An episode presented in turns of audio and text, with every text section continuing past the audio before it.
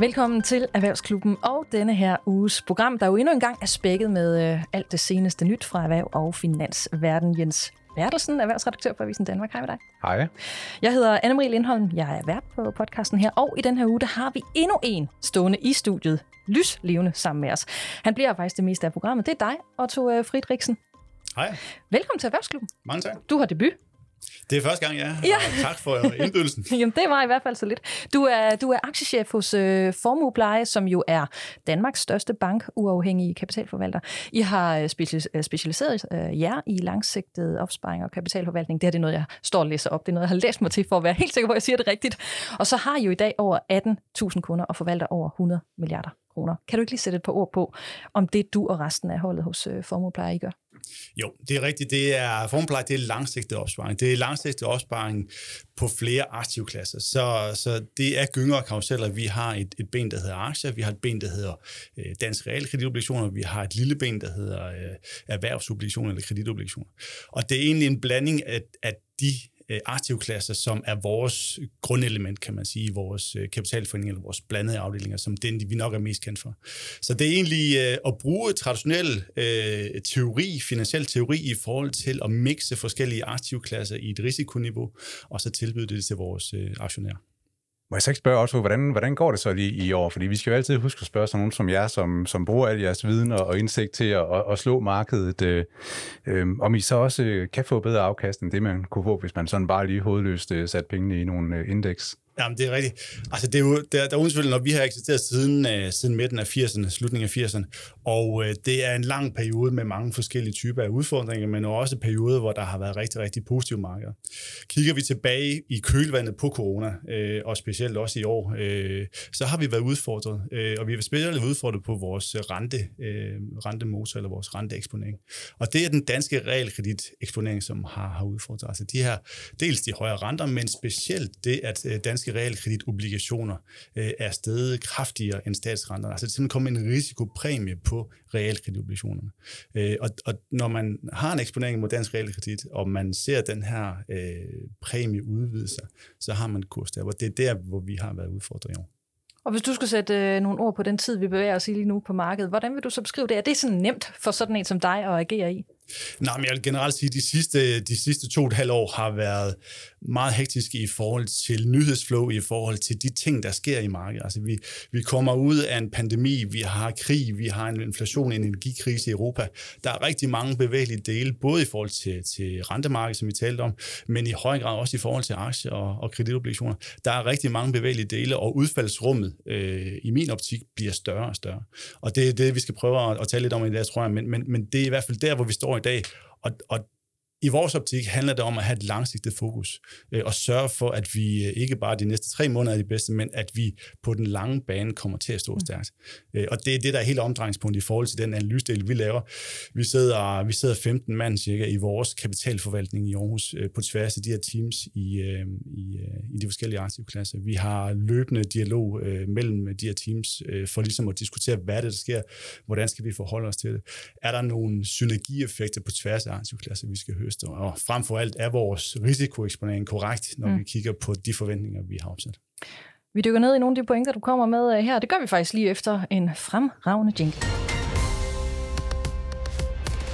Vi har jo talt en øh, hel del om risikoen for recession, om rentestigning og inflation øh, her i, øh, i, i Erhvervsklubben.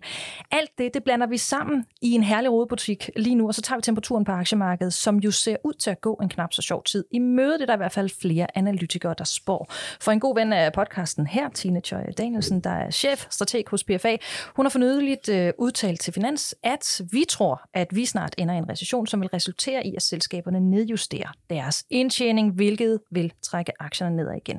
Det fortæller hun. Otto Friedrichsen, er du enig i det, Tine Tør, hun siger her? Øh, I grundlæggende set ja, øhm, og der, så med nuancer, fordi der er øh, relativt store nuancer, når vi taler om sådan en global økonomisk vækst. Vi har et Kina, Asien, vi har et Europa, vi har et USA, og det er sådan lidt forskellige tempi, øh, vi ser væksten udvikle sig i der. Øh, i vores optik øh, er situationen værst i Europa. Altså vi har en situation, hvor, hvor væksten er på vej ned, og så har vi en energikrise. Altså Europa har øh, igennem rigtig mange år valgt at outsource øh, vores energiforsyning til Rusland. Vi har valgt at outsource vores øh, militære sikkerhed til NATO indirekte til, til USA. Mm. Og de to ben øh, skal flashe hjem nu øh, simpelthen i forhold til, til Rusland, i forhold til den energiafhængighed, vi har fået opbygget, men også i forhold til den øh, Øh, geopolitiske situation, der er i Europa, så der er det nødvendigt, at vi får militæret øh, på plads i Europa på samme måde. Øh, og, og det er stadig kommer en investeringsaktivitet over længere sigt, men her og nu, så har vi en situation, hvor, hvor Europa er øh, på vej i recession. Anderledes ser det ud i USA. Øh, væksten er også på vej ned. Vi ser også øh, et boligmarked, der er under pres i USA. Men vores forventning er, øh, som det ser ud i øjeblikket, at recessionen bliver mildere i USA. Den bliver kortere, end, end, end hvad vi ser i Europa. Mm-hmm. Så der er, der er to forskellige tempi, når vi ser på, på Europa og USA. Men når du sidder og forvalter altså jeres kunders investeringer, hvad har I gjort hos Formuepleje for at beskytte jer mod, mod de her udfordringer, som, som du taler om? Grundlæggende set, og, og først og fremmest også i forhold til, til Jenses øh, spørgsmål tider, så er det et langsigtet fokus. Altså når vi vælger aktier i vores setup, i vores øh, allokering, så er det frem for alt fokus på kvalitetsaktier. Det er fokus på de aktier, som ikke bare tjener penge i dag, men over de næste 5-10 år kommer til at stå som, som vinderne i forhold til driften, i forhold til indtjening. Det er omdrejningspunktet i forhold til vores aktiestrategi. Det andet element, øh, som, som vi selvfølgelig også er meget opmærksom på, det er jo det samlede risikoniveau. Altså, hvor mange aktier har vi? Hvor meget eksponering har vi mod aktiemarkedet? Fordi der er ingen tvivl om, i en recession, i, en, i perioder, hvor der er øh, stor grad af usikkerhed, og hvor der ligefrem øh, kan opstå panik blandt investorer, der kan du sagtens øh, sidde med en portefølje af kvalitetsaktier og stadigvæk opleve ganske store tab. Øh, så derfor er det samlede risikoniveau også øh, ganske, ganske afgørende. Og der har vi valgt i, i kølvandet på den øh, øh ganske stærke aktieperformance, vi har set hen over sommeren, der har vi valgt i to omgange at nedbringe vores øh, aktieeksponering med samlet 20 procent. Øh, så vi har reduceret vores aktieeksponering, øh, simpelthen på forventningen om, at det vi har set hen over sommeren har været et rally inden for en større kontekst for aktiemarkedet egentlig er på vej ned. Øh, også i forventning om, at øh, når vi kigger ind i efteråret, når vi kigger ind i 23, så er udfaldsrummet både i forhold til Europa, men også i forhold til USA, specielt på nedsiden, er blevet væsentligt større. Og, og med en hvad skal man sige, en, en, en lavere visibilitet, øh, en, en lavere conviction på, hvad der kommer til at ske, så har vi valgt at reducere vores, vores eksponering mod risiko, og simpelthen afvente og se, hvad, hvad, hvad udviklingen bliver. Altså, jeg tror gerne, at jeres kunder køber ind på det her med det langsigtede. Det er sådan det, de, det, det har de forstået, men jeg kunne også godt tro, at de har lidt ondt i maven, når, når det øh, tumler så meget her. Hvad gør I? Altså, hører I fra jeres kunder, der ringer og spørger, hvad, hvad pokker foregår, eller hvad, hvordan øh, håndterer I det? Det er klart, vi har jo øh, en tæt dialog med, med vores kunder. Vi øh, gør meget ud af også at oplyse om, hvad det vi gør Øh, hvordan er det, vi ser markedet? Øh, hvordan ser vi mulighederne i markedet? For der er ingen tvivl om, at øh, når aktiemarkedet falder, eller renterne stiger, eller, eller ting generelt er under pres, så vil der også være en opmærksomhed fra investorer. Øh, og det er der selvfølgelig også fra vores investorer. Øh, så, så i den kommunikation, vi øh, ligesom øh, foretager mod vores investorer, der er der fokus på, hvad vi gør, øh, hvad vi forventer, hvordan vi positionerer os på det scenarie, som er mm. vores udscenarie, men frem for alt også i forhold til de risikoscenarier, som er opstået og som vil opstå i fremtiden? Altså, nu har vi jo talt rigtig meget om de her rentestigninger, der har været øh, over en længere periode, fordi investorerne, de bryder sig jo generelt ikke om de her, øh, hvad hedder det, øh, stramninger af pengepolitikken, som, øh, som Fed jo især har, har stået for. Der er jo nogle analytikere, der mener, at vi går en tid møde, hvor der kommer lidt mere ro på, altså over fra, over fra Fed, hvor, hvor inflationen den formentlig falder lidt igen, og ja, er du, er du overbevist om, at det også bliver, at det bliver tilfældet? Altså nu, nu kommer der lidt mere ro på derovre fra i hvert fald. Og det er et af de rigtig, rigtig gode spørgsmål, fordi det er virkelig omdrejningspunktet i stort set alle aktivklasser i forhold til inflation. Uh, vi ser den i Europa, mm. vi ser den i, i Storbritannien i øjeblikket uh, med, med inflation, vi ser det også i USA. Hvis vi ser på inflationsbidraget til den amerikanske inflation, så må vi forvente alt andet lige, at, at den på et tidspunkt, og det er formentlig sket, topper. Øh, det, der er, er det bløde punkt eller risikoscenarie, det er jo i forhold til, jamen, hvad kommer der til at ske på arbejdsmarkedet? For selvom vi er på vej ned i vækst, selvom vi kan se konturerne af et, et, en, en vækst, der kommer ned øh, i USA, så har vi stadigvæk et meget, meget stærkt arbejdsmarked. Og vi ser også en tendens til, at løninflationen begynder at bevæge på sig. Vi ser en øh, inflation generelt, som påvirker øh, boligmarkedet i USA i forhold til det, man kalder lejeværdi af egen bolig. Og det er en meget stor komponent i den amerikanske inflation, modsat i, i, i Europa. Og de komponenter kan være med til at drive tingene fremadrettet, som gør, at, at centralbanken i USA skal agere anderledes. Mm. Og jeg er helt enig med dig i, at, at der er rigtig meget fokus på, at, at ja, men nu ser det ud til, at centralbanken skal til at i hvert fald være mindre aggressiv, og det er egentlig også den kommunikation, vi umiddelbart har fået indtil nu. Nu bliver det spændende i morgen med, med Jackson Hole også, hvad, hvad meldingen bliver. Men jeg tror, når vi ser på markedsforventninger, så regner markedet med, at der er rentefald næste år. Øh, altså op mod, mod to rentesænkninger næste mm. år. Og jeg, jeg tror sagtens, der kan skabes en del volatilitet i forhold til den kommunikation, der kommer fra centralbankerne, fordi det er ikke det, der har været budskabet indtil videre. Og så de markedsforventninger, som i højere grad og i tilsandende grad begynder at forvente, at vi kommer altså til at se renten lavere øh, allerede næste år. Og nu er markedet det er fyldt med en masse private investorer, som sidder der og tænker, hvordan hulen mange er der øh, er på markedet for første gang. Ikke? Øhm, hvis, hvis vi skal prøve at klappe lidt af alt det, øh, vi har været inde på her, her sammen, altså hvilke markeder mener du så, at de skal være særlig opmærksom på, øh, hvis de gerne vil undgå tab? Altså hvor, hvor er risikoen størst? Jamen jeg tror generelt, når vi ser på Europa, så har vi en, en, en relativt stor risiko. Vi har en, en energiafhængighed, som, som er udtalt i Europa. Øh, øh Europa kæmper i øjeblikket med at opbygge lager af gas i forhold til, øh, til vintersæsonen. Øh, vi har en situation, hvor Rusland, øh, eller hvor risikoen er, at Rusland øh, simpelthen lukker fuldstændig fra, for, for gastilsynet. Og det er klart, en, en tysk økonomi, som, som er forholdsvis afhængig af energi og specielt gas, der vil det være et, et, en, en lyseslukker i forhold til, til et, et, et vækstlokomotiv lokomotiv i, i Europa. Så Europa generelt er et, et område, man skal være særligt opmærksom på, også i forhold til den samlede inflation. Mm. Omvendt tror jeg faktisk også, at når vi ser på USA, øh, og, og, og der er vi også lidt tilbage i, i forhold til sammensætningen af aktieindeksene, at USA kvæg deres øh, hvad skal man sige, stadie i forhold til, til vækstafbøjning, men også i forhold til deres sådan, generelle agilitet, der tror jeg faktisk, at USA igen kommer til at klare sig bedre end Europa.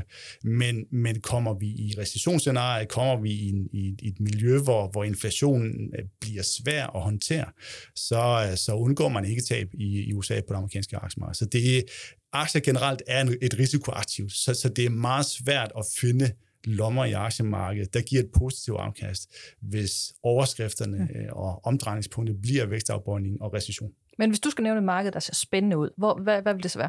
Jamen, det vil generelt være, være USA i øjeblikket, okay. hvor, hvor, hvor vi finder øh, en, en, en væsentlig del af vores eksponering, også i forhold til, hvad er det for nogle typer af selskaber, vi gerne vil have fat i. Mm. Øhm, øh, altså selskaber, som, som igen og igen kan levere øh, indtjeningsvækst, som er mindre konjunkturfølsomme, altså mindre afhængig af, hvordan er konjunkturen og, og, og væksten i fremtiden, men, men kvartal efter kvartal har en eller anden form for for i anførselstegn sikker indtjening. Det er, det er omdrejningspunktet i forhold til uh, vores fokus.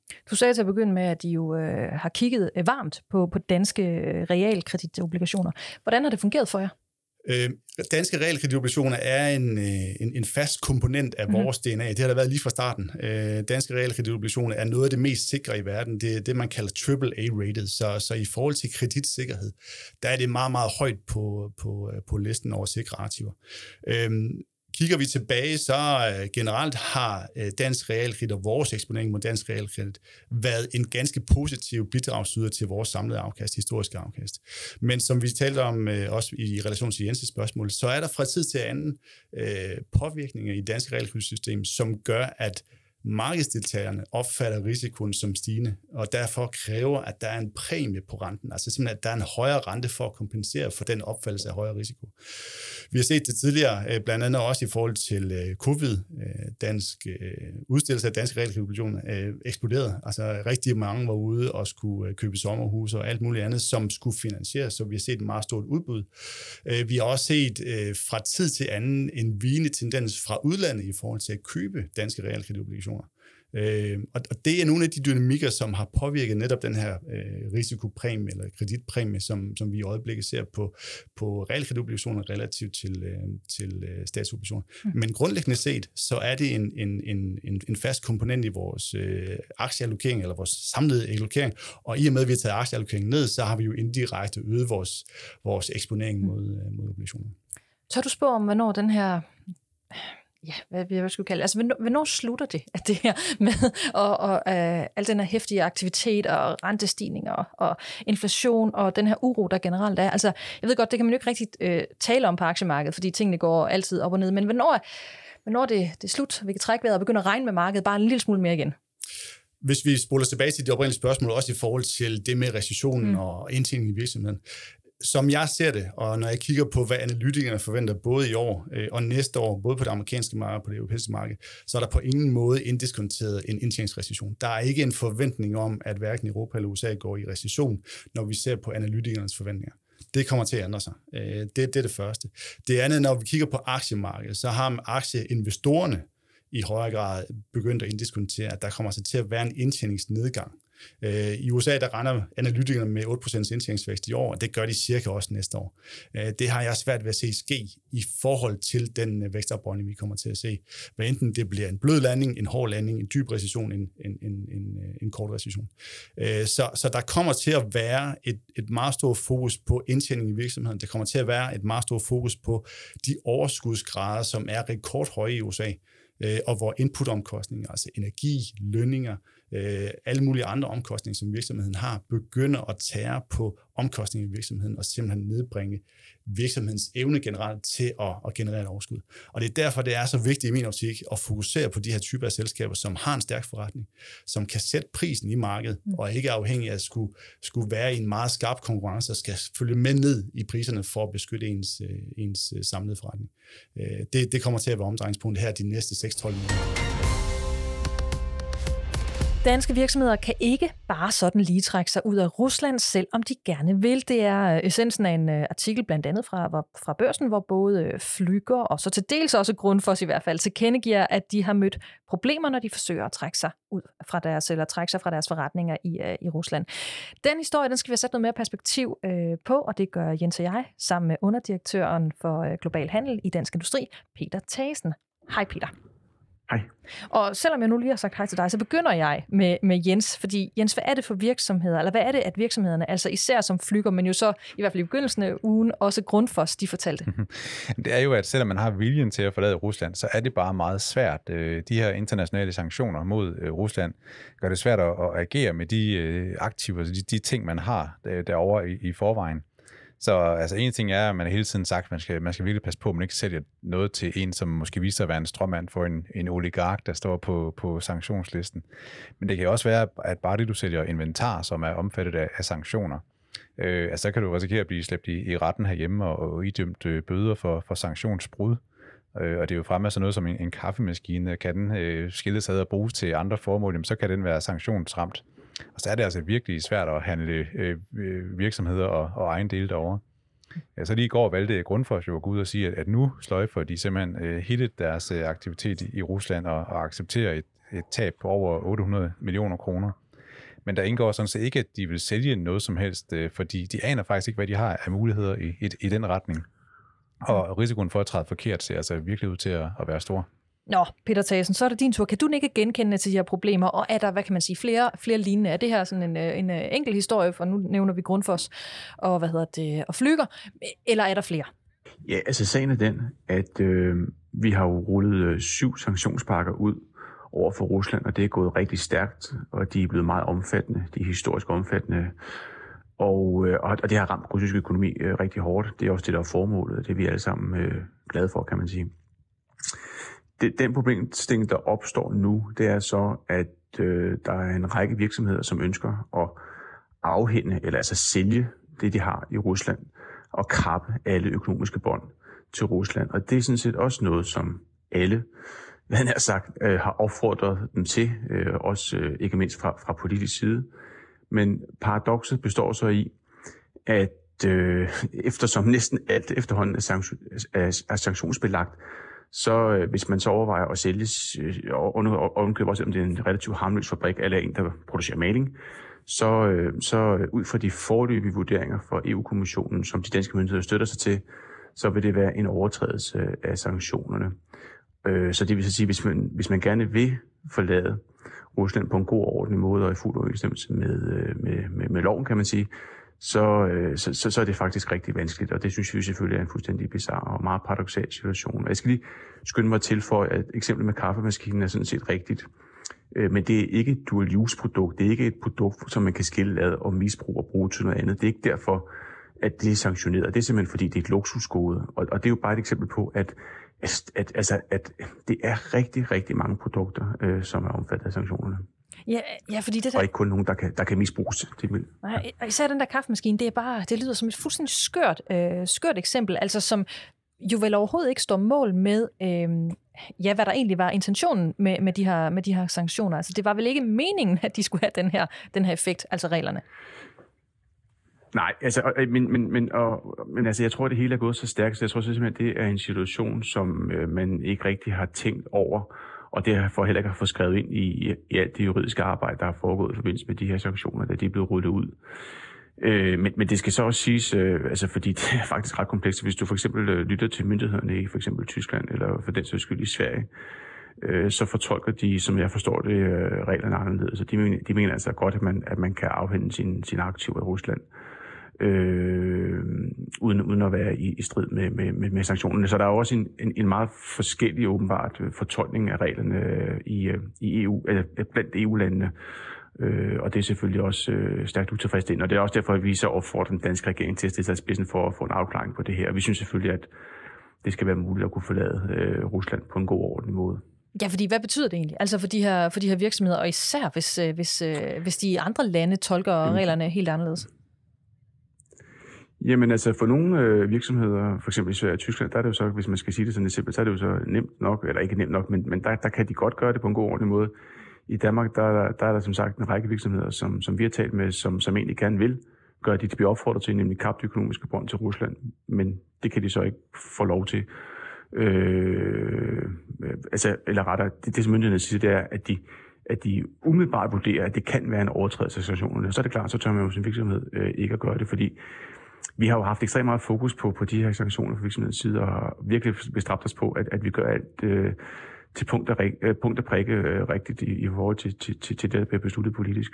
Okay. Men hvad sker der med de her virksomheder, hvis de træder på siden af, og det vel at mærke ikke var, var intentionen, altså fordi der lige rører en kaffemaskine, eller nogle af alle de her andre ting øh, ja. med?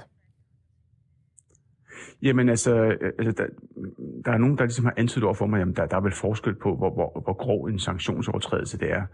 Men altså, det, det, altså, jura er jo ikke nogen øh, eksakt videnskab, og, og, og, og, og man kan sige, at alle de her produkter, der er, der er sanktioneret, de er sanktioneret, og hvis man overtræder sanktionerne, så er det, så er det ret alvorligt. Så derfor så, så, så står virksomhederne jo nu i en situation, ikke, hvor, hvor de sådan mere eller mindre er, er handlingslammet, og ikke rigtig kan gøre det, de gerne vil.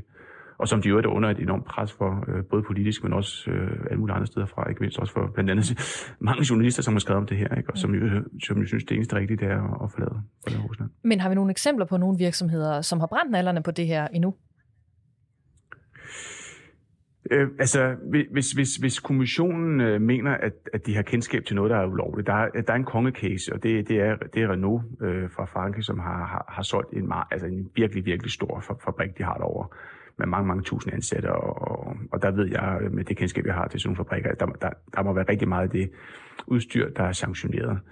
Øh, og det har vi selvfølgelig også øh, brugt som eksempel over for danske myndigheder spurgt, hvordan, hvordan kan det lade sig gøre? Øh, men, men, men, men der forstår jeg så, at hvis, hvis, hvis kommissionen har, har mistanke om, at der er en overtrædelse af sanktionerne, så vil de tage øh, kontakt til, til den relevante synder, øh, og så vil der køre en, en, en dialog der, øh, som, som er fortrolig, og som, og som vi ikke øh, får kendskab til. Så, så derfor så kan der godt være nogle sager, øh, hvor, hvor kommissionen, altså EU-kommissionen, som administrerer det her, det kendskab, eller mistanke om, at der foregår nogle lovlige ting, men, men det er ikke noget, vi vi, vi, øh, vi, vi, vi desværre bliver informeret om, eller har mulighed for at blive informeret om. Altså nu sagde du jo godt nok, at uh, I jo er fuldt ud bevidst om, hvor hurtigt de her regler, de er, de er blevet, ja, mm. at de her skulle skrives under. Ikke? Altså, der, der har også været et tidspres for at få sat mm. de her sanktioner øhm, i værk. Mm. Men var det svært, som du lige ser det, at forudse, at det ville få de her konsekvenser, øh, som, som, som det har fået, når du kigger på reglerne? Mm, altså jeg vil sige, altså i forbindelse, altså de her sanktioner er ekstremt omfattende. Mm-hmm. Øh, og, og, det, og vi, vi har løbende her de, de sidste måneder jo, øh, i, i mange tilfælde været i tvivl om, at, at det her produkt omfatter eller er det ikke. Og der, er, der har vi kørt med sådan en kæmpe sikkerhedsmagn, så vi hele tiden har været sikre på, at vi er på den rigtige side af loven. Det har været ekstremt magtpåliggende for os alle sammen. Øh, det, den her situation øh, med, at hvis man så skal, skal sælge øh, sin aktiv eller sin fabrik, eller hvad det nu er, man har i Rusland, øh, og man så pludselig kommer til overtrædelsessanktioner. Det tror jeg ikke nogen, der har tænkt over. Og, og det er også derfor, jeg egentlig ikke synes, at man skal gøre et stort nummer ud af det, men, men bare sørge for at få det fikset, om man så må sige, og gøre det lovligt, og gøre det muligt, øh, lave en eller anden form for ordning, hvor man kan søge om at få lov til at, at, at, at sælge, og så få, hvad kan man sige, en, en, øh, et godkendelsesstempel fra, fra, fra, fra, fra myndighederne. Det, det, det synes jeg virkelig, man, man, øh, man, man skylder virksomhederne, som, som, som lige nu jo er altså fanget i en situation, som ingen kan være tjent med. Jens, hvad betyder det, altså set fra dit, øh, dit bord? Altså for alle de her virksomheder, som jo står og, og ikke bare kan sælge deres øh, aktiviteter, taber de egentlig altså penge på det, eller, eller kan de i princippet bare fortsætte som, som hidtil? Jamen, det er i hvert fald noget rod for, øh, noget rod øh, for dem jo, fordi de, øh, de, de taber en masse omsætning, de skal flytte andre steder hen, og der vil de jo mm. hellere have deres fokus nu. Og så skal de stadigvæk øh, være bevidste om, at de har en fabrik stående, eller en, en grund, eller en masse øh, maskiner stående i, i Rusland, som de ikke kan, kan få ud, hvor, hvor gerne de end vil. Øh, og, det, og det gør det bare svært. Altså, hvordan skal man bogføre det nu? Nu nedskriver de det, værdierne til nul, øh, og så har de det stående på bogen alligevel, at de har måske et skøde på, på en ejendom i, i Rusland, som de så kan, kan se, om de kan vække til live øh, på et tidspunkt senere. Øh, og i en situation, hvor man bare kan høre på dem, altså de, de er færdige med Rusland, de kan ikke se for sig, at, øh, øh at de kommer tilbage i al overskuelig fremtid. Mm. Omvendt, så det her det er godt nok lidt en anden historie, men det, det smager lidt af det samme, ikke? Fordi så vidt jeg kan se, så er der også en hel del danske virksomheder, som jo er bange for, at russerne kommer efter dem. Altså fordi de trækker sig fra deres øh, kontrakter, og, ikke, og der ikke på den måde er, øh, hvad hedder det, altså ja, de ikke, via, via nogle regler i den der øh, kontrakt, bare så naturligt kan komme ud af dem, uden det koster penge. Hva, ja, hvad, hvad tænker du om det? Jamen altså igen, der, der er Grundfos jo øh, været så venlige at være ret åbne om, hvad, de, hvad det er, de står med her. Altså at når de trækkes ud af, af Grundfos, øh, ud af Rusland, uden at være øh, sanktionsramt øh, 100%, øh, jamen så kan deres kunder derovre jo komme efter dem øh, for de øh, kontrakter, som de, de kommer til at bryde nu, øh, øh, som øh, måske vedrører øh, store beløb ud i fremtiden, og som det er åbenlyst, de ikke kommer til at, at levere på.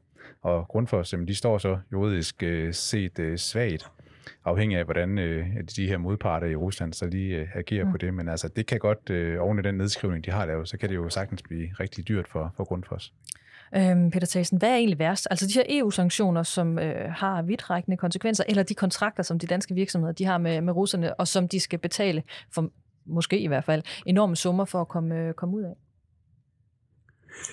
Altså du kan sige, øh, altså de virksomheder, som øh, producerer noget, eller som sælger noget i Rusland, som er sanktioneret, de kan nemt komme ud af deres kontrakter, for de kan bare øh, øh, kræve force majeure. Mm.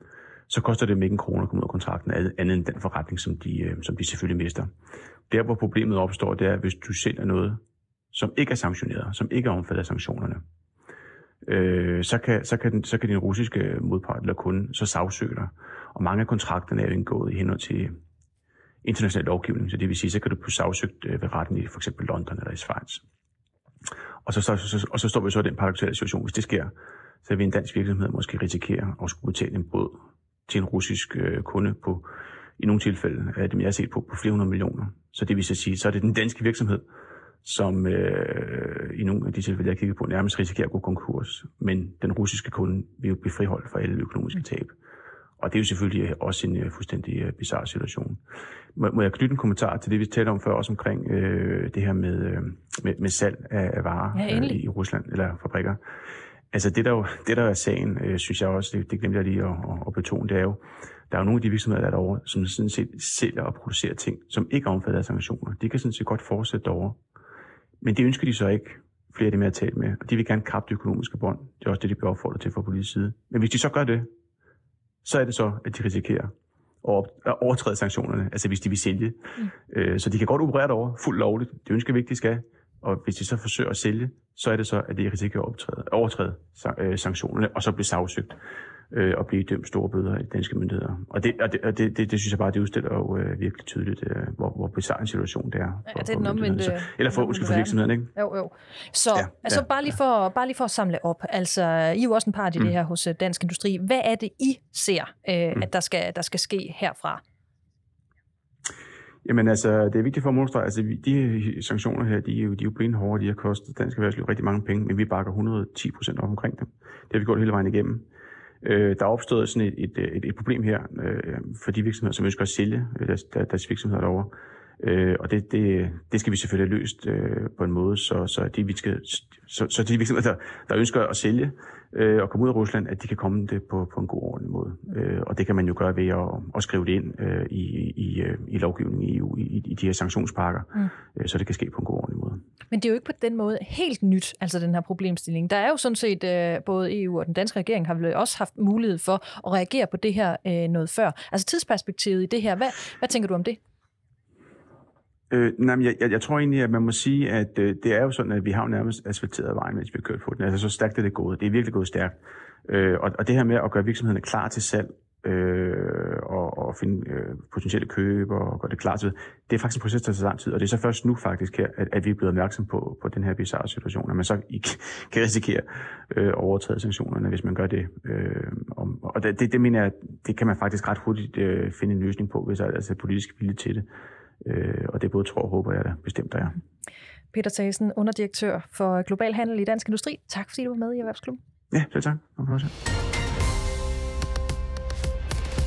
I denne her uge der var øh, Storbanken City ude og sænke deres øh, anbefaling for Mærsk-aktien. De gik fra, ja, både fra køb til selv, og oven i det så øh, halverede de næsten kursmålet.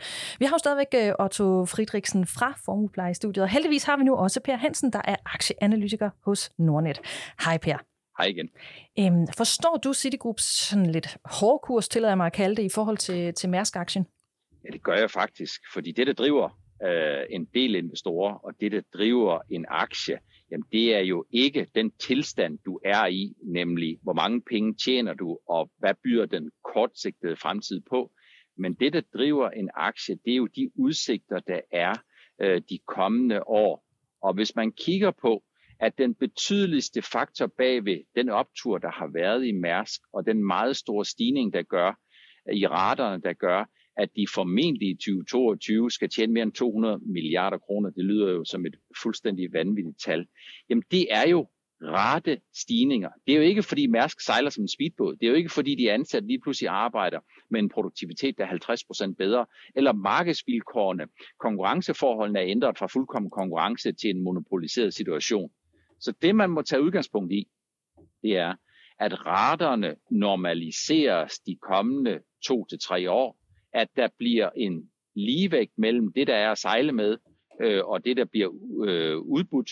Så det vil normalisere raterne, og det vil så betyde, øh, at den indtjening, som er tidoblet øh, de sidste to til tre år, jamen den vil finde et andet og et mere naturligt leje. Vi vil komme til at se, at man skruer ned for indtjeningsforventningerne, når man kommer frem til 2024 2025 Og så har jeg slet ikke taget ind i betragtning, hvis vi kommer ind i en lidt længerevarende recession, og jeg har ikke taget ind i en betragtning, at der er en yoga, der siger, at de kommende 3-4 år kommer der formentlig til at være væsentligt flere skibe om at sejle med mindre tonnage. Så alt i alt, så kan jeg godt forstå, at der er nogen, der undrer sig over, hvordan der er nogen, der kan have en negativ holdning på et selskab, som på nuværende nøgletal ser så billigt ud.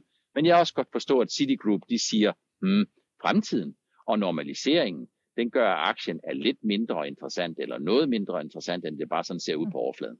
Otto Formuepleje har jo ikke Mærsk i uh, porteføljen. Giver nogle af de her pointer uh, alligevel mening for dig, altså? Uh, altså både det her, som Per han siger, men også Citigroups uh, nye anbefalinger? Jamen helt sikkert. Vi har ikke Mærsk i porteføljen, og jeg er helt på linje med Pers øh, fortolkning her af både Citigroup og også Mærsk-aktien generelt, at Mærsk rider jo på en bølge i øjeblikket på baggrund af en anormal situation. Altså vi har haft en, en, en meget, hvad skal man sige, presset situation på forsyningskæderne på efterspørgselssiden efter covid mm. øh, fra marts 2020 og frem. Øh, og vi har været i en situation, hvor, hvor, øh, hvor udbuddet har været begrænset, men du har stimuleret efterspørgselen rigtig kraftigt. Og det gør jo netop, at de her priser på at fragte en container fra Kina til, til USA eller til Europa, den er, den er mange dobbelt sted rigtig, rigtig kraftigt. Mm-hmm. Øh, og, og det er jo på den baggrund, at Mærsk tjener pengene i øjeblikket. Når vi ser på værdiansættelsen, når vi ser på Citigroup, så kigger de jo 6, 12, 24 måneder ud i fremtiden. Så hvordan ser markedet ud om, om 12 måneder? Og der, der må vi håbe, det ser anderledes ud. Men har I heller ikke været på Mærsk, altså under opturen? Nej.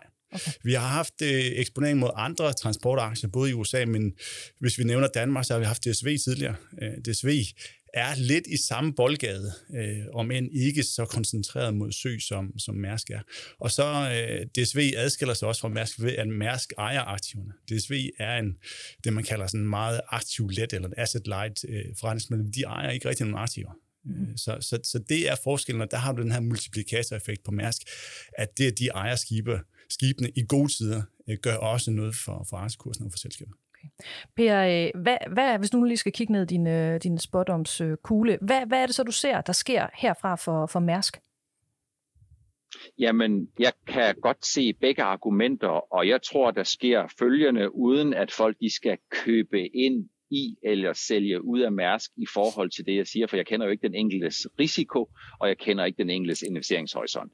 Men det, jeg tror, der kommer til at ske, det er, at de gode tider og de disrupted tider, altså det der, som Otto han snakker om, at øh, der er altså mm, øh, øh, god gang i trafikken, og der er masser at sejle med, det kommer til at vare lidt længere, end vi regner med, fordi forsyningskæderne, de løsnes ikke sådan bare lige op, hverken her i august eller september. Så jeg tror på den ene side, at de gode tider, for så vidt angår de høje rater, kommer til at vare nogle ekstra måneder eller kvartaler i overtid. På den anden side, så tror jeg også, at nedturen, når den kommer, den bliver ret abrupt. Og jeg tror, der er mange, der bliver overrasket over, at et marked i balance er en negativ ting for indtjeningsudviklingen. For normalt så har vi jo sådan lidt en opfattelse af, at noget, der er i balance, det er i god gænge. Men der, hvor vi kommer fra, det er jo ændringen i, det er, at vi kommer fra noget, der har været i ubalance, hvor hver gang der har været tre skibe, der kunne sejle med noget, så har der været en efterspørgsel til at få en, et fjerde skib sat i søen, eller få stablet de her container helt op til himlen oven på de her tre skibe, og det er altså vanskeligt. Øh, Jens, Mærsk-barnet Robert Ukle, ham har vi jo talt helt vildt meget om her i, uh, i podcasten. Hvad, hvordan tror du, han kommer til at tage den her øh, udvikling? Altså kommer det til at foregå uden, uh, uden knups? Altså det lyder jo ikke sådan Jamen, det er da benhårdt, og, benhårdt at navigere i det her. De skal, de skal ramme den rigtigt. De skal fornemme, hvornår det er, at vinden vender, så man pludselig ikke kan sælge al den kapacitet, de nu har, har skrabet sammen her over, over længere tid. Øh, der er den her udsigt til en recession måske, som, som vores gæster her taler om. Men der er også den her afglobalisering, der, der, der er i gang, øh, som sådan på den lange bane jo godt kan påvirke behovet for, for, for containere. Øh, jeg talte med, med Danfoss forleden, som jo arbejder meget med regionalisering, øh, som, som de kalder det. Altså det, de producerer i Kina, det er til det kinesiske marked, og det, de producerer i Europa, det er til det europæiske marked, og, og så videre. De vil bare gerne undgå at sejle komponenter frem og tilbage over øh, verdenshavene, fordi det giver ikke nogen værdi for, for kunderne, siger de. Så det, øh, det, det er jo godt for, for Danfoss, at de har den øh, volumen, at de, at de kan det, men det er jo ikke godt for, for Mærsk øh, på den lange bane, hvis øh, den her globale industri øh, begynder at, at, at, at agere på den måde, at de øh, bare ikke vil, vil flytte halvfabrikata og, og, og også færdigvarer sådan set øh, i samme omfang øh, på tværs af, af kloden. Øh, per, nu har vi jo talt en hel del om, om Mærsk, men helt generelt også i forhold til de pointer, du kommer med her, øh, Jens. Altså, hvilke danske virksomheder tænker du, det bliver øh, spændende at følge, altså med det, med det marked, der venter? Jamen, øh, hvis øh, igen med udgangspunkt i det, som Otto jo sagde her, øh, DSV, Øh, Øh, DSV er en lidt anden forretning, lidt mindre konjunkturfølsom. De ejer kun en, så vidt jeg husker, en 4-5 procent af kapitalapparatet. Så det bliver spændende. De kan nok ikke undgå at blive ramt af, at de priser, man får for at transportere varer ud til øh, slutdestinationen, at de kommer til at være lavere. Vi har også set et, en virksomhed som NTG, som jo egentlig blev født som børsnoteringskandidat for et par år siden, og gerne ville kendes som DSV's lillebror med en forretningsmodel, som ikke lignede 100%, men som, som rimede lidt på det.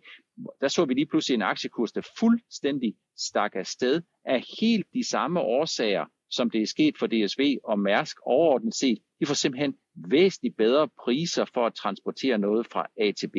Så to, de tre selskaber, som jeg synes, det er værd at holde øje med øh, i den her henseende, det er Mærsk, det er DSV og det er NTG, og så er der sikkert også nogle andre, som jeg ikke sådan lige har haft fokus på her. per Hansen, aktieanalytiker hos øh, Nordnet. Tusind tak, fordi du øh, endnu en gang var med i Erhvervsklubben. Tak fordi jeg får lov til at være med. I sidste uge der bad jeg jo øh, Per Hansen om at give sit bud på toppen og bunden af virksomheder i det danske C25-indeks. Og toppen indtog øh, Bavarian Nordic, og bunden fik Ambu. Og hvor heldige har vi så lige præcis lov til at være, fordi netop de to, de har jo aflagt kvartalsregnskaber, og det har de gjort i denne her uge. Søren Løntoft Hansen, senior analytiker hos øh, Sydbank. Hej med dig. Hej med jer. Altså, dagens regnskab, det sørger Ambu jo for. Hvad, hvad siger tallene her? Og man kan sige, at Ambu var på forhånd, eller i, allerede i starten af august, øh, ude og annoncere forløbige regnskabstal for, for tredje kvartal, og nedjusterede også i den for, forbindelse af prognosen for hele året ret markant. Så man kan sige, at en del af spændingen er, er på, for, på forhånd ligesom taget ud af, af, af regnskabet. Øh, og det er et regnskab, som egentlig viser en... Øh, en øh, relativt god vækst, men, men i hvert fald lavere end vi ventede, før at man annoncerede de her forløbige regnskabstal. Og så får man til gengæld en ordentlig ind på sekundusen i, i, i forhold til indtjening, hvor man er påvirket af stigende inputomkostninger i produktionen, øh, stigende transportomkostninger osv., som trækker indtjeningen væsentligt ned i forhold til tredje kvartal sidste år. Så, så det er jo et regnskab, som øh, egentlig øh, er et udtryk for, at øh, Ambu øh, er en udfordret tid. Ja, fordi altså, når, du, når, du, når du kigger på, på det her, hvad, hvad kan vi så, hvis vi skal vælge en ting, altså hvad er det, der er deres allerstørste udfordring?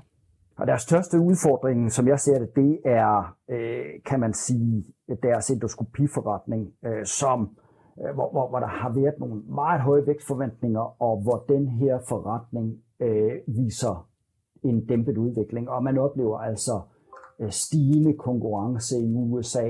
Øh, man øh, oplever lavere optag i, i forhold til, øh, til lanceringen af et endoskopi eller et endoskop inden for et øh, nyt endoskopiområde, som, som der har knyttet, været, været knyttet store forhåbninger til, øh, og som begrænser væksten. Og så er man udfordret af den her stigende inflation, stigende inputomkostninger osv., som putter pres øh, på, øh, på, øh, på Ambu og, og, og, og i den forbindelse også negative pengestrømmer. Det har man altså haft en del kvartaler, og det, det har bevirket, at man har forøget gælden, og, og det øger altså også risikoen for, at Ambo på en eller anden måde skal ud med hatten i hånden til investorerne. Og, og, og det svækker altså investortilliden til, øh, til, til selskabet ovenpå nedjustering efter nedjustering efter nedjustering. Altså nu har jeg godt nok ikke lige kurven foran mig, så, så på den måde kan jeg ikke referere til, til, til tallene. Men altså for hvad, to år siden, der så det jo helt anderledes ud. Altså aktien den var jo magisk at have i sin, sin øh, portefølje. Hvor ind, hvorhen kom skiftet fra, at det her det var en god aktie, til at, at, at være bundskraber på den her måde? Og jeg tror, øh, udfordringerne øh, er især inden for deres endoskopiforretning øhm, hvor man, og, og, og man, skal regne, man skal være opmærksom som investor på her, at e, en stor del af værdiansættelsen af Ambu er altså knyttet op på, på nogle vækstforventninger til de her især nye endoskopiforretninger. Og de har altså ikke udviklet sig så godt, som man havde regnet med. Samtidig så har det kostet rigtig meget for Ambu at gå ind på de her endoskopiforretninger, og det koster altså på, øh, på lønsomheden, som har været lavere end ventet, og som er inde på, jamen så, så, så ser vi altså de her negative pengestrømme og en forøgelse af gælden, som kan man sige øger risikoen for øh, en, en kapitaludvidelse i, i, i, i selskabet. Og det tror jeg summer meget godt op den kursderute, vi har set for, øh, for, for Ambo de seneste, de seneste halvanden år. Og så hos øh, Formupleje, der har I jo ikke Ambo i jeres øh, portefølje. Det lyder som om, den er billig til salg. Øh, tror du, I går hen og bliver lun på den på et tidspunkt? Nej, det, det tror jeg faktisk ikke. Øh, fordi det er rigtigt, som siger Marie, det, det, det, vi, når vi kigger tilbage, så var Ambo jo en aktie, hvor, øh, hvor forventningerne var enorme, øh, og, og hvor vi så en aktiekurs, som, som steg meget, meget kraftigt. Nu er, nu er realiteterne faldet ud anderledes, og som Søren han er inde på, så, så er selskabet udfordret både på drift og også i forhold til sådan forventningsdelen. Mm. Så, så det er ikke noget, vi er, vi er på vej ind i. Og jeg vil også sige, at, at i forhold til, og det er sådan generelt i forhold til, til danske aktier, så, øh, så har vi en størrelse, hvor, hvor øh, hvis vi skal ind i en aktie, så, så skal vi have en, en vis andel i vores portefølje, og, og et, et selskab som Ambu er i en global sammenhæng stadigvæk en, en, en forholdsvis lille aktie. Okay. Søren, øh, topchefen Britt Melby Jensen har lanceret en ny strategi, det kunne jeg i hvert fald læse mig frem til i, i morges. Øh, Hvordan adskiller den sig fra den, fra den gamle? Øh, fordi hun står jo over for noget af, noget af et arbejde. Der venter stadigvæk flere fyringer, selvom de har været ude og, og fyre massivt øh, op til nu. Hvordan ser den her strategi ud? Ja, nu kalder vi det, øh, nu kalder du det øh, strategi, øh, Anne-Marie, og det, det, det vil jeg så måske egentlig stille lidt spørgsmålstegn ved, for jeg synes jo ikke, strategien er ændret voldsomt. Altså det, Britt Mølby er, er ude og annoncere, det er et besparelsesprogram, der for næste år skal give besparelser på 250 millioner kroner. Det skal øge øh, profitabiliteten, det skal øge øh, at gøre, at man kommer øh, genererer nogle positive pengestrømmer og ligesom eliminere den kortsigtede risiko øh, for en øh, for en kapitaludvidelse, altså man skal ud og hente penge i, i, i, i markedet. Og, og, og, og det vil jeg da egentlig godt bifalde.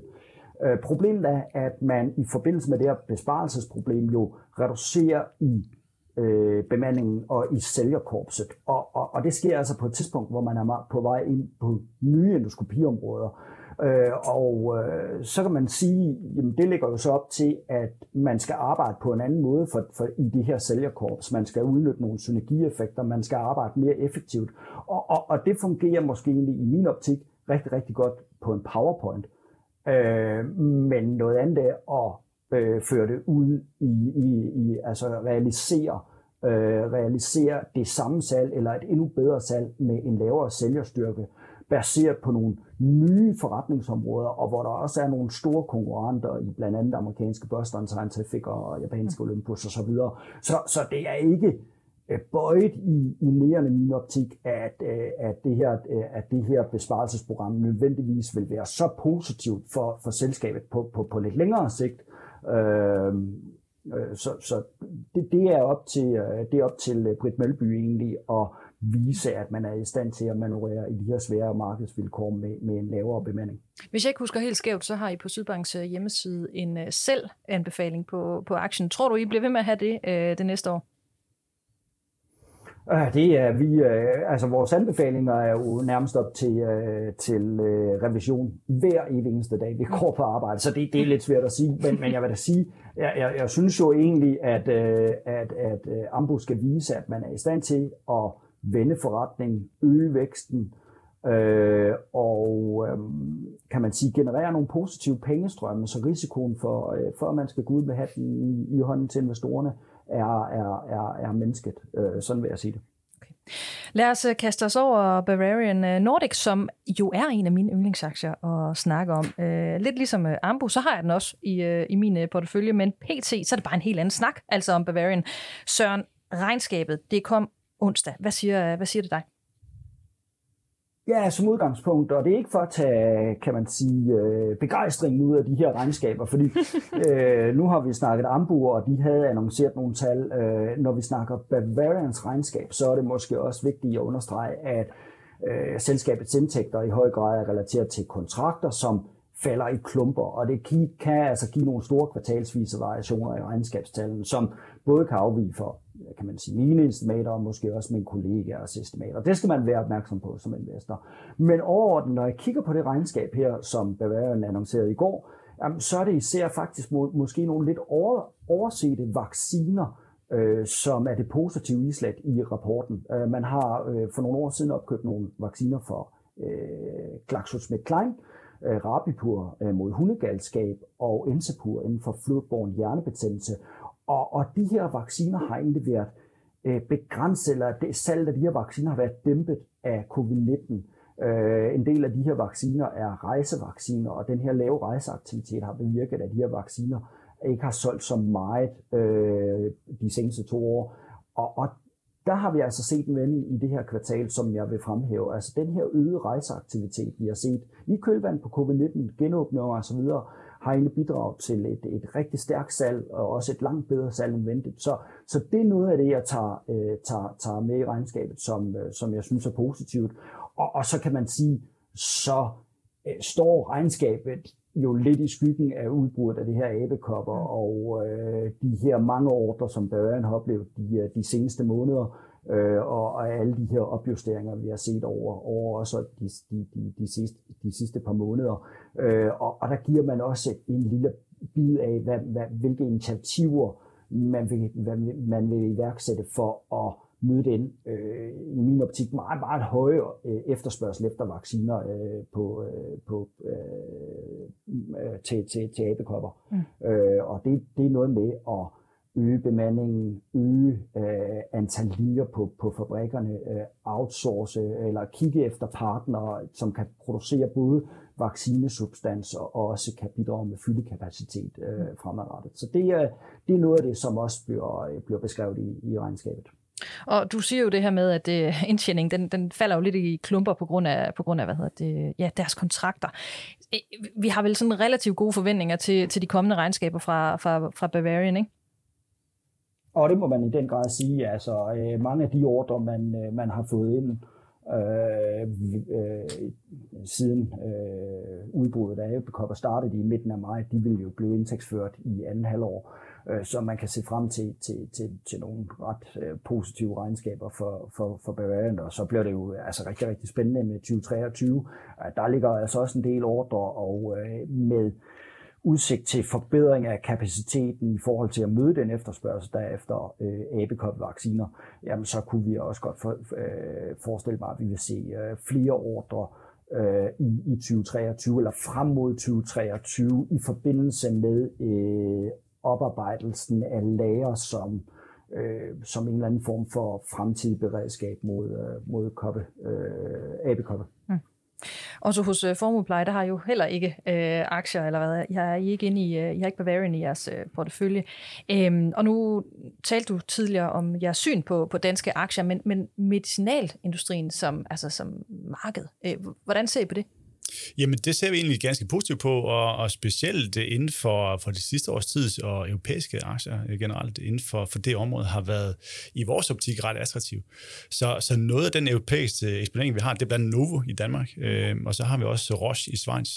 Det er jo øh, det er en anden størrelse end Bavarian, øh, og jeg synes, det er fantastisk med Bavarian i forhold til deres øh, deltagelse i, i vaccinemarkedet. Øh, men, men vi har igen et, et, et, et issue med størrelsen, et, et issue med den her øh, Øh, langsigtede, øh, stabile indtjening, at, at vi har nogle, nogle ret store udsving i, i indtjening i de her mindre selskaber. Øh, der har vi en anden, anden grad af, af, af modenhed i, i, i selskaber som Roche og, og, og Novo selvfølgelig. Vi må håbe, at Bavarian på et tidspunkt kommer op i en liga, hvor, hvor, øh, hvor de får øh, flere ben, og hvor de får en, en, en, en højere grad af stabilitet i indtjening, som netop kendetegner de her selskaber som Roche og Novo, som engang jo også var biotech-selskaber, var små selskaber. Men, men det er jo den rejse, som, som øh, biotech generelt er på, øh, og specielt risikoprofilen i sådan mindre biotech-selskaber er ofte sådan en form for binær udfald, fordi deres, deres forretningsgrundlag er koncentreret om, om få områder, sygdomsområder. I uh, Arta Kapitalforvaltning, der mener deres uh, aktiechef Lars Hytting, at den her fremtidige kursudvikling i uh, Bavarian Nordic, den er, den er så svær at spå om. Uh, og derfor så har man så brugt de seneste ugers uh, kursoptur på at nedbringe deres uh, eksponering i den her aktie. Søren, på Sydbanks hjemmeside, der anbefaler EU stadigvæk et køb af aktien. Øh, kan du lige prøve at sætte et ord på, på det, altså set lidt i, ja, i, øh, i forhold til det, som, øh, som øh, Lars Hytting her, han, øh, han siger? Jo, altså generelt er det svært at spå om uh, kursudvikling mm. i, i, i mange aktier, men, men, men, øh, men ja, nu har vi en købsanbefaling, og det afspejler egentlig øh, vores tro på, at øh, adekopper bliver meget større, at man vil have væsentlige indtægter i øh, 2023 årene frem. Og så synes jeg egentlig ikke, at den nuværende aktiekurs afspejler de værdier, som er i pipeline, men blandt andet øh, især dels øh, RSV-vaccinen, øh, hvor vi vil se fase 3-data Øh, næste år, og også øh, covid-19-vaccinen, øh, man har under udvikling, og hvor der vil være data mod slutningen af året. Øh, så, så jeg synes egentlig, der er et, et, et, et, et, et, et, et attraktivt øh, tilbud til investorerne i forhold til øh, fordele øh, over for, for, for, for risiko. Og man kan også sige, at den her abekoppe øh, vaccineforretning bidrager jo også til en øh, altså mindsket underskud. Øh, øh, de kommende år, øh, og, og, og det tror jeg er, er positivt også for investortilliden, til trods for, at man jo står i nogle år, hvor man investerer kraftigt i, i, i pipeline med de her to projekter, RSV og COVID-19. Øh, så så, øh, så, så, så det, det anser jeg egentlig som, øh, som, som positivt og attraktivt, og, og jeg ser egentlig nogle, nogle markante øh, kurstrikker, både for pipeline og også i det her æbekopper. Men når du kigger på pipelinen, er der slet ikke nogen hår i summen? Er der ikke noget, du tænker, ah, den er ikke, det duer ikke? Nej, men nej, altså ikke, ikke i, i, i det. Altså man kan sige, det bliver spændende at følge covid-19. Altså øh, øh, øh vacciner og covid-19-vacciner er, jo, er jo i høj grad drevet af de her mRNA-vacciner. Det bliver det jo spændende at se, om der er en plads øh, for, for, for, øh, for Bavarian øh, i, i et sådan marked. Øh, og der skal man altså vise, at øh, man har en vaccine, som virker øh, eller opretholder effektiviteten længere end de her mRNA-vacciner, øh, også har en bred dækning mod øh, de forskellige varianter, øh, som, som har været, og som også vil komme i, øh, i fremtiden. Så det er måske et hårdt sum, og ellers så, så synes jeg jo egentlig også, at, at, at Otto er inde på, på, på noget her i, i, i forhold til, øh, i, i forhold til, til Bavarians, øh, kan man sige, sammenhæng eller sammensætning, at der er altså år, hvor Øh, vi ser øh, negativ drift, øh, negativ drift osv., og, og det, det, det er jo selvfølgelig noget, som vi gerne skulle se, når vi kigger måske længere frem, at man er i stand til at øh, imødegå, så man kan få en, en, øh, en mere stabil og positiv drift. Søren Løntoft Hansen, senior analytiker i Sydbank. Tak, fordi du igen var med i Erhvervsklubben. Velbekomme. Og Otto øh, Friedrichsen, aktiechef hos Formuepleje. Det var en stor fornøjelse at have dig med i uh, Erhvervsklubben igen. Du har haft en aldeles fremragende debut. Ja, mange tak. Det var en fornøjelse for min side. mange tak, fordi du kom. Tak. Nå, Jens, vi skal jo egentlig også til at have rundet af for vores tos vedkommende. Men først så skal vi altså lige tale lidt om, uh, om Danfoss, som jo også aflagde regnskab i den her uh, uge. Det har godt nok været en regnskabstung det har det. podcast. Ja. Nå, men du var faktisk på besøg i det sønderjyske uh, tidligere på ugen. Hvad, hvad, hvad tog du med derfra? Jamen altså, jeg synes, det er interessant, at vi nede på, på Als har den her virksomhed, som bare virkelig banker derudad på, på den grønne omstilling, og altså al den efterspørgsel, som bare følger med på de her produkter, som, som de har, at, at det bare virkelig øh, kan, kan læses i tallene nu. Altså de voksede med 50 procent i, i årets første øh, halvår. Øh, det meste skyldes så, at de overtog øh, Eton, en meget stor hydraulikvirksomhed sidste år. Det, det slår sig igennem nu. Men de voksede også 13 procent organisk, så det vil sige, at det, de havde i forvejen, det, det er altså også vokset 13 procent. Og det er rigtig meget, når man er en, en industrivirksomhed, der producerer dimser og alle mulige øh, slags. Øh, og også i lyset af, at de jo også bøvler med forsyningsproblemer og afledte effekter af krigen i, i Ukraine, øh, inflation og alt det der, som, som alle sammen er, er berørt af. Så de, altså, de var oppe og omsætte for 36 milliarder kroner i, i de første seks måneder i år. Øh, og så kan man jo lige slå op og se, at så er det jo ikke sådan vildt langt op til, til Vestas, som jo i dag er vores øh, klart største industrivirksomhed herhjemme. De, de er omsat for, for 43 milliarder kroner. Mm. Så, øhm, så Danfoss, de er absolut øh, med, det er det væk. Altså i begyndelsen af podcasten, der talte vi om den her række af virksomheder, som ikke kan komme af med deres øh, aktiviteter i Rusland, altså uden at begå ulovligheder i forhold til EU's sanktioner. Hvad er det, Danfoss har gjort her? Jamen, de har jo valgt at sælge deres øh, aktiviteter i Rusland i det, man kalder et management buyout, altså at den lokale ledelse øh, køber det hele fri fra, fra Danfoss. Øh, og det faldt på plads her i, i sommerferien, og nu bliver det ført ud i livet her i, i løbet af, af efteråret. Øh, og jeg kunne sikkert være med at spørge dem ad, om, om der så var sådan en mere eller mindre formel aftale om, at, at Danfoss kan købe selskabet tilbage fra, fra den gamle ledelse der, når, når nu der engang måske falder lidt ro på. Øh, det var der ikke mange kommentarer til, øh, må jeg sige. Det, det var ret tydeligt på, på Kim Fausing, øh, topchefen i, i Danfoss, at, at Rusland er simpelthen skrevet ud af, af historien om, om, om Danfoss lige nu. De, de bruger kræfterne andre steder. Var du ikke også faldet ned af stolen? Altså overraskelse, hvis han havde sagt noget andet? jo, men jeg tænker jo, altså deres gamle ledelse, de kender jo hinanden virkelig, virkelig godt, men, ja. øh, men øh, nej, jeg tror, at de, de har trukket en streg i sandet. Øh, så må vi se, hvad der sker om mange år, når Putin er væk, og, og øh, der sker nye ting i, i Rusland. Ja. Jens Bertelsen, erhvervsredaktør på Avisen Danmark. Mange tak for endnu en god uge her i Erhvervsklubben. Ja, i lige måde der. Jeg hedder Anne-Marie Lindholm, og til dig, der lytter med. For det første, tak fordi du lytter med, og vi høres ved igen om en uge.